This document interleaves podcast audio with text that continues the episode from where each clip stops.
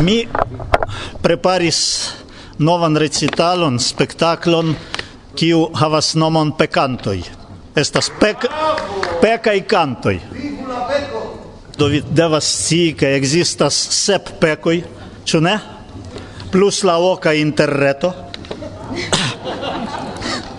kaj uh, la plej grava peko estas orgojlo Kaj la plej malgrava oni dire estas la scivo. Hodiaŭ mi prezentos al vi parteton pri la lasta, la plej malgrava peko, kiu rilatas al nia hodiaŭa temo. Si, charmis, yes. Por la admiro la coro etis. Mi revis esti sia viro dum si ridetis. Promesse, senpudore, sciocche, en rid sen culpa fairero in ama in sercis voce l'animo stulta. Si tentis min. La am deliro l ration vencis mi revis esti sia viro dum si flamencis dum si senzorge cae grazie la braco in movis, mi provis tracti sin conscie, sed mi ne povis, jam sclavo, ne plu cavaliro, ne plu fiera, mi revis esti sia viro, cae efemera malciasta pens comenci svagi en sino mia, plu vocis revi cae imagi latent mania. Sed li, min venkis sen turniro, sen bat insida, ne atendita kiel zbiro, nun adresita al li la rid e la aspiro consterna por mi. Mi, mi revis esti ŝia viro. mi iru dormi.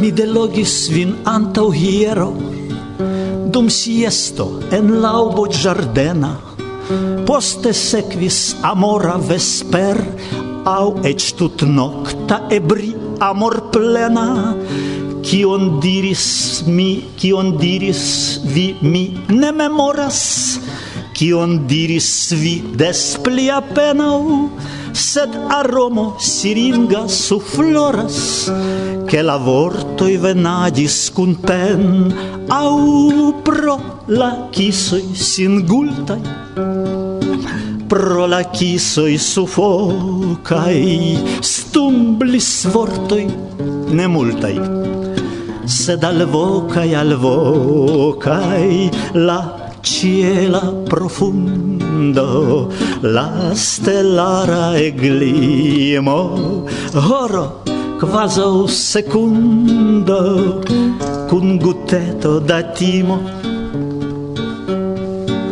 Via ezzo diceta calvulo kiu havas contegon en banco vin provisas per mon sen calculo do vi vagas en deca afranco contra eta schmirmon vi liberas del chasisto cun nuco de bovo. Se li tamen subite aperos credas mi che ne venos bon trovo. Por la kisoj singultai por la kisoj sufokaj, por la vortoj nemultaj, sed alvokaj alvokaj cielo ĉielo stellara e glimo kai finigios mielo cun guteto da timo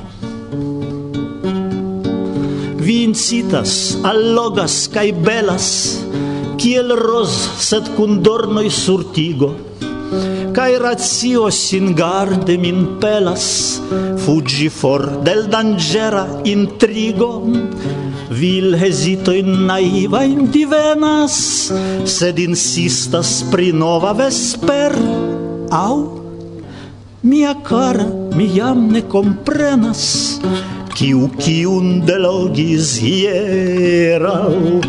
Per la kisoj singultai Per la kisoj sufokaj Per la vortoi ne multai Sed alvokaj alvokaj En profunda cielo Ruse e glimas iru for, mia bella. Char mi timas.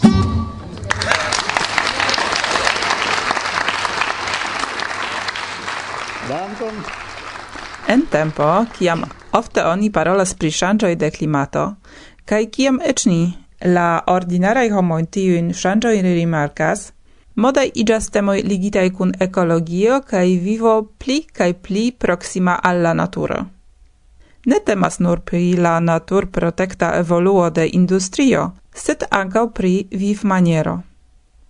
Unu el la temoj do, kiu iĝas pli kaj pli popularaj, estas permakulturo. Temas pri branĉo de ekologia projektado, ekologia inĝenierio kaj planado de medio, kiu kreas ekvilibran arkitekturon de homaj sidejoj kai mem regulitain agrokulturain sistemoin lau modelo de la naturae ecosistemoi.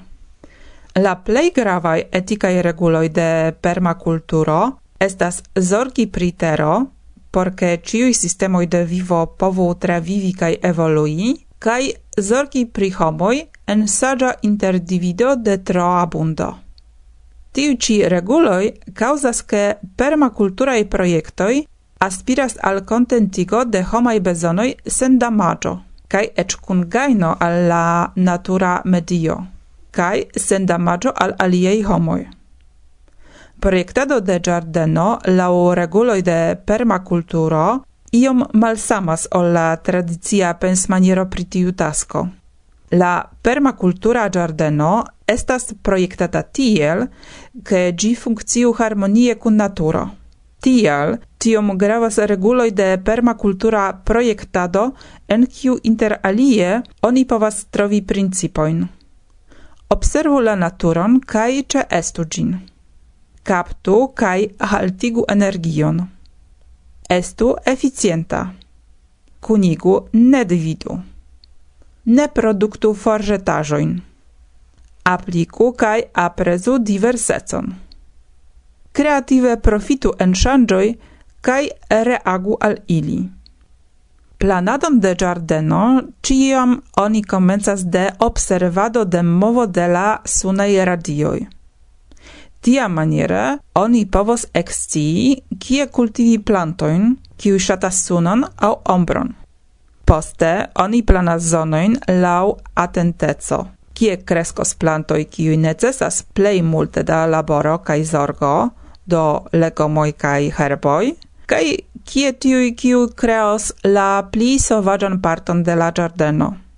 Sekva paŝo estas elimino de la ekstera bruo pere de verda muro el altaj arboj aŭ arbustoj.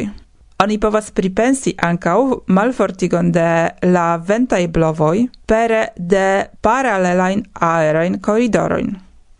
En permakulturaj ĝardenoj estas grava najbareco de plantoj, ki ne nur ŝatas kreski kune, sed ankaŭ subtenas aŭ protektas unu la alian. Inter fragoj oni povas kultivi cepon kaj ajlon, kiu protektos la fruktojn kontraŭ la griza ŝimo. Inter tomatoj tagetojn kaj kalendulojn. Existas sperte prilaboritaj listoj pri najbareco de plantoj kun priskribo kien mi rekomendas serĉi se vi ĝardenumas. Ankaŭ gravas, ke en tiu ĝardeno ekzistu ĉiuj tavoloj, tiel kiel grandaj kaj malgrandaj arboj, arbetoj, herboj, tavolo kun tuberoj kraskantaj sub la tero, tavolo kun plantoj kiuj pli riĉigas teron en mineralajn elementojn, kai verticala tavolo kun fazeolo au vinberoj. Volonte invititaj al giardeno estas insectoi, kiui polenos plantoin, coccineloi, kotraŭ afidoj, birdoj kai erinacoj, qui manĝas insectoin kai larvoin nedesiratain. Interesa estas la preparado de terai tavoloi lau bezonoi de plantoj pri tio oni scribis calcain libroin. Sed plei gravas en tio cio ricevi maximum grandan ricolton el malgranda spazo de tereo sen troa laboro. Crome, la giardeno mem devos bone componigi en la circaua aspecto de naturo. Compreneble mia intenso estis nur sigi vin, che ne nur existas, sed ancau igas moda, cae vere utila proiectado de giardenoi, domoi cae circauajoi lau permaculturae principoi. Interesigita vi povas multe pritrovi en la reto. Suficias nur en Google vorton permaculturo cae esplori. Silvia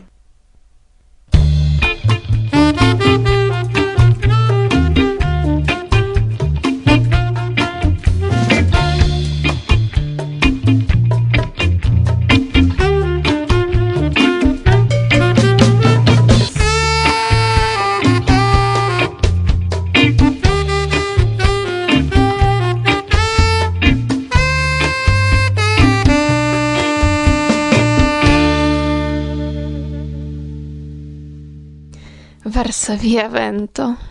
Bla bla bla.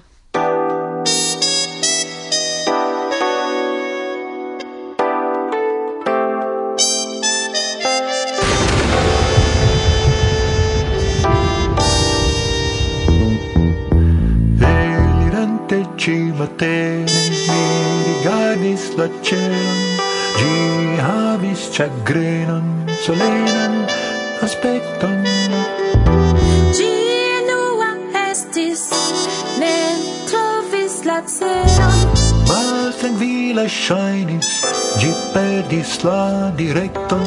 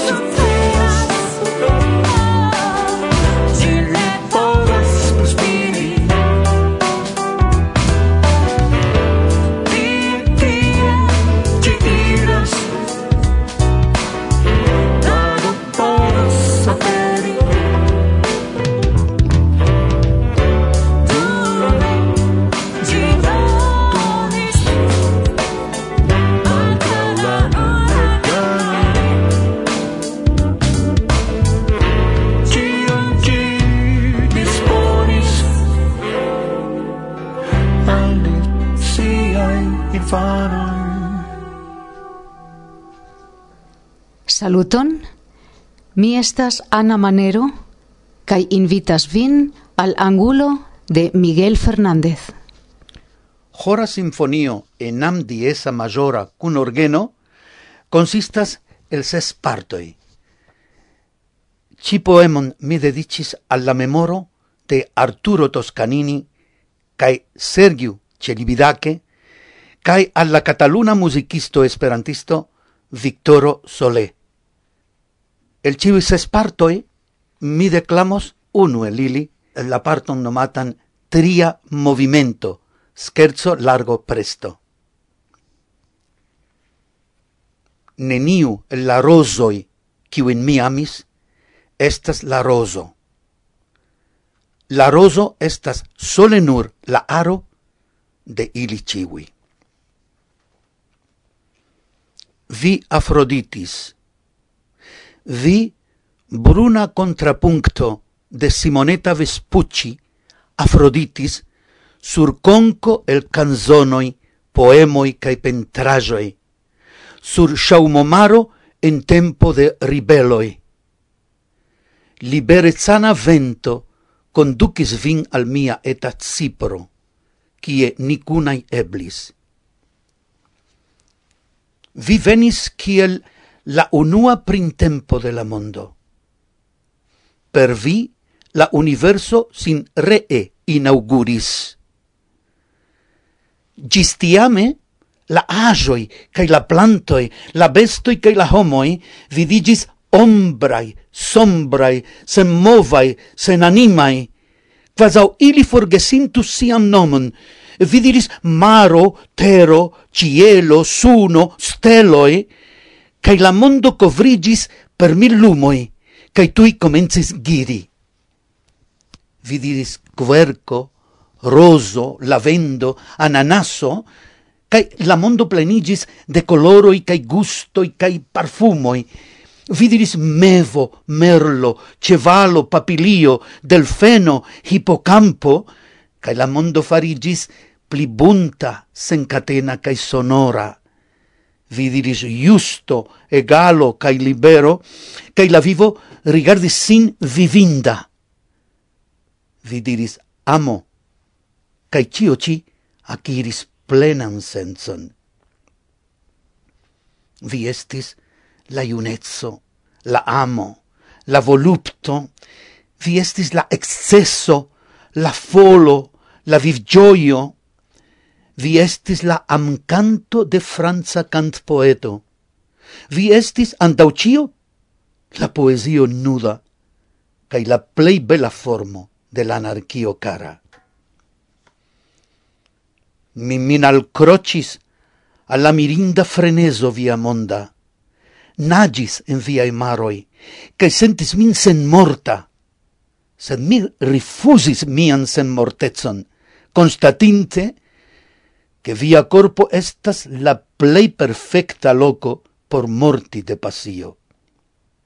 Cium foie mi mortis de pasio, o plei delizza morto, via brache. Nian poemon ni ne besonis verki. Gin ni travivis arde gis el cerpo. Oni poemas tial che io, amo, bono, justo, homo, kio ja devus esti, fakte ne estas. Vi pripoemis nur unu sopiron, laran. Sia busceto ronda sopira, kiel revo. Mi volas de vi steli sian vivon, kiu ecas malquieta necerta. Gi ne plu estas jam elaina corpo, ne pracumo, sed nur el viai corpo Clara, cae bracumo, firma. Hodiau shin mi sensas jam en vi, ciam vin tuŝas miai lipoi cae mi sentas vin certa cae proxima. Ce vi mi lernis tangi l'infiniton, ce vi mi arbe creskis, gis mi atingis la alton de silento, de la silento quiu igas onin reinventi la mondon subita uragano forportis vin, forsciris miain fructoin cae folioin, min lasis nuda, nula, senanima. Mi vagadis mil jaroin serce de vi, serce de mi en vi, serce de la profil de via ispuroi. Vani. Estáis escuchando la radio Varsovia Vento.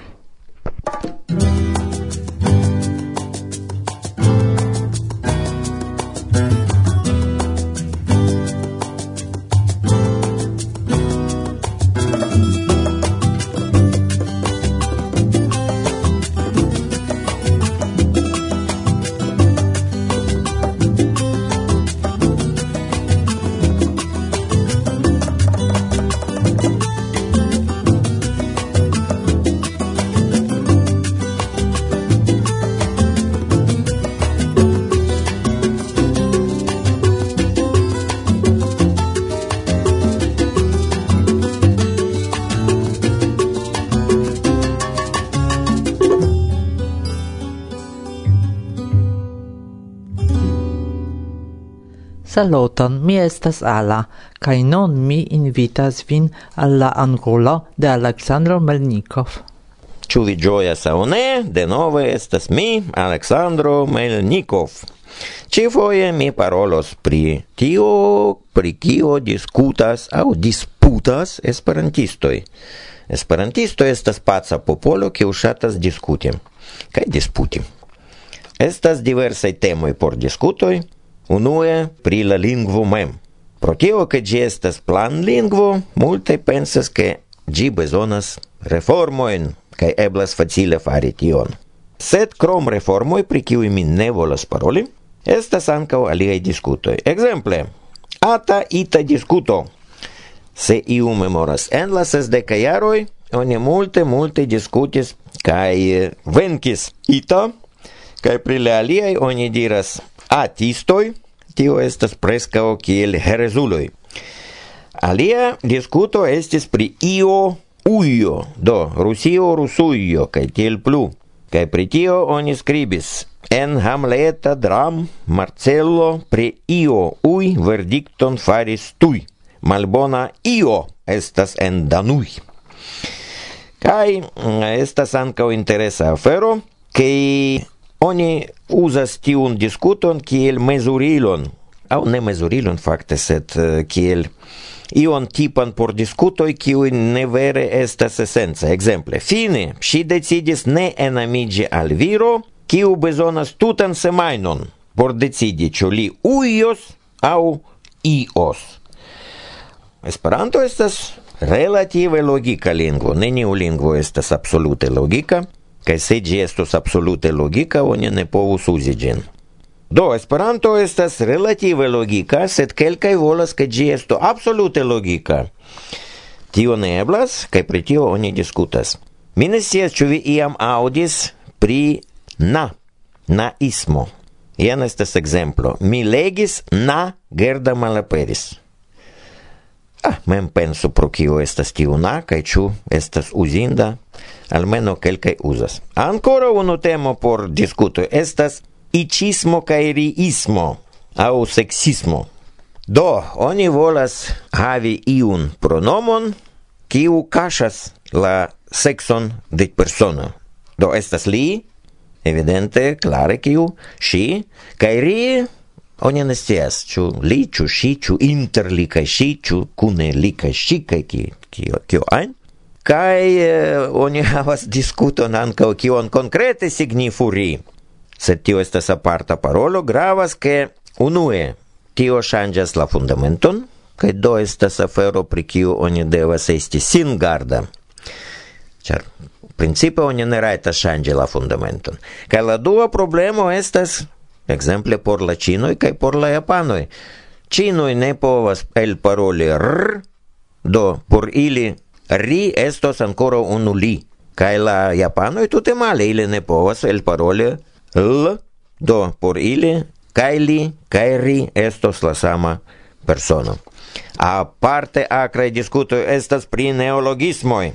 Kai oni havas tiun neologisman militon dum jardekoj kai kio estas optimismiga, oni ciam havos tiun diskuton. kai cetere, tia diskuto estas ankaŭ en naciaj lingvoj, char temas pri tio, ke la lingvo devas konservi la tradicion, do esti en pasinteco, sed samtempe devas veni al estonteco, kai tio estas objektiva kontraŭdiraĵo. Yes.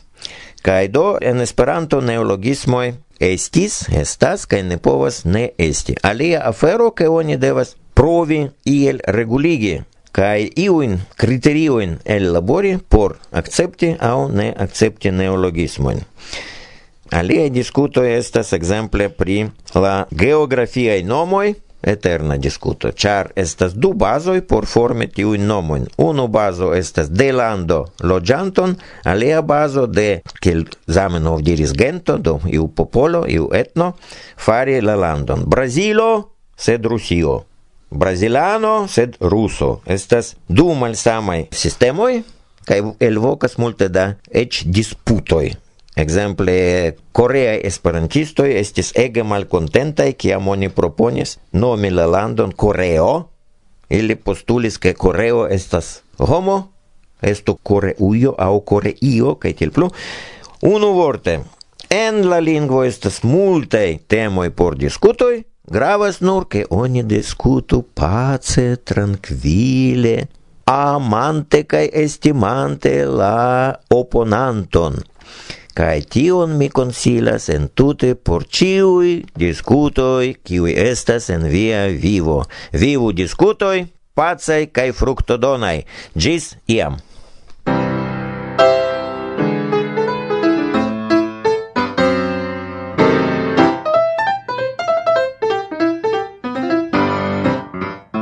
Olda pian, tren protestas en la program, nur fu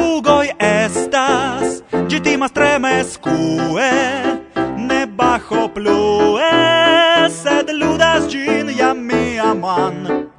Orde pian credu min credu min orde pian bril malfacil mi comprenas sed nova stil. La mondon tenas ja venis nova fazo.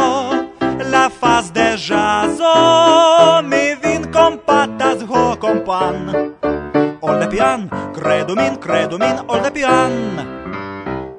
En el hor Kiam tuŝas vin man jel klavar Al for. El la cor flugas trist kaj amar Vi min.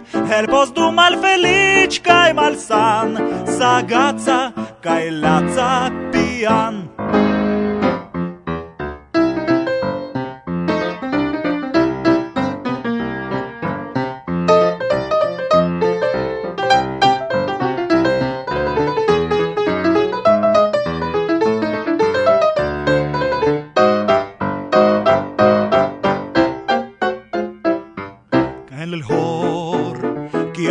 Iras vin man el clavar al for. El cor flugas trist kaj amar. Vi min helpos dum malfeliĉ kaj malsan. Sagaca kaj laca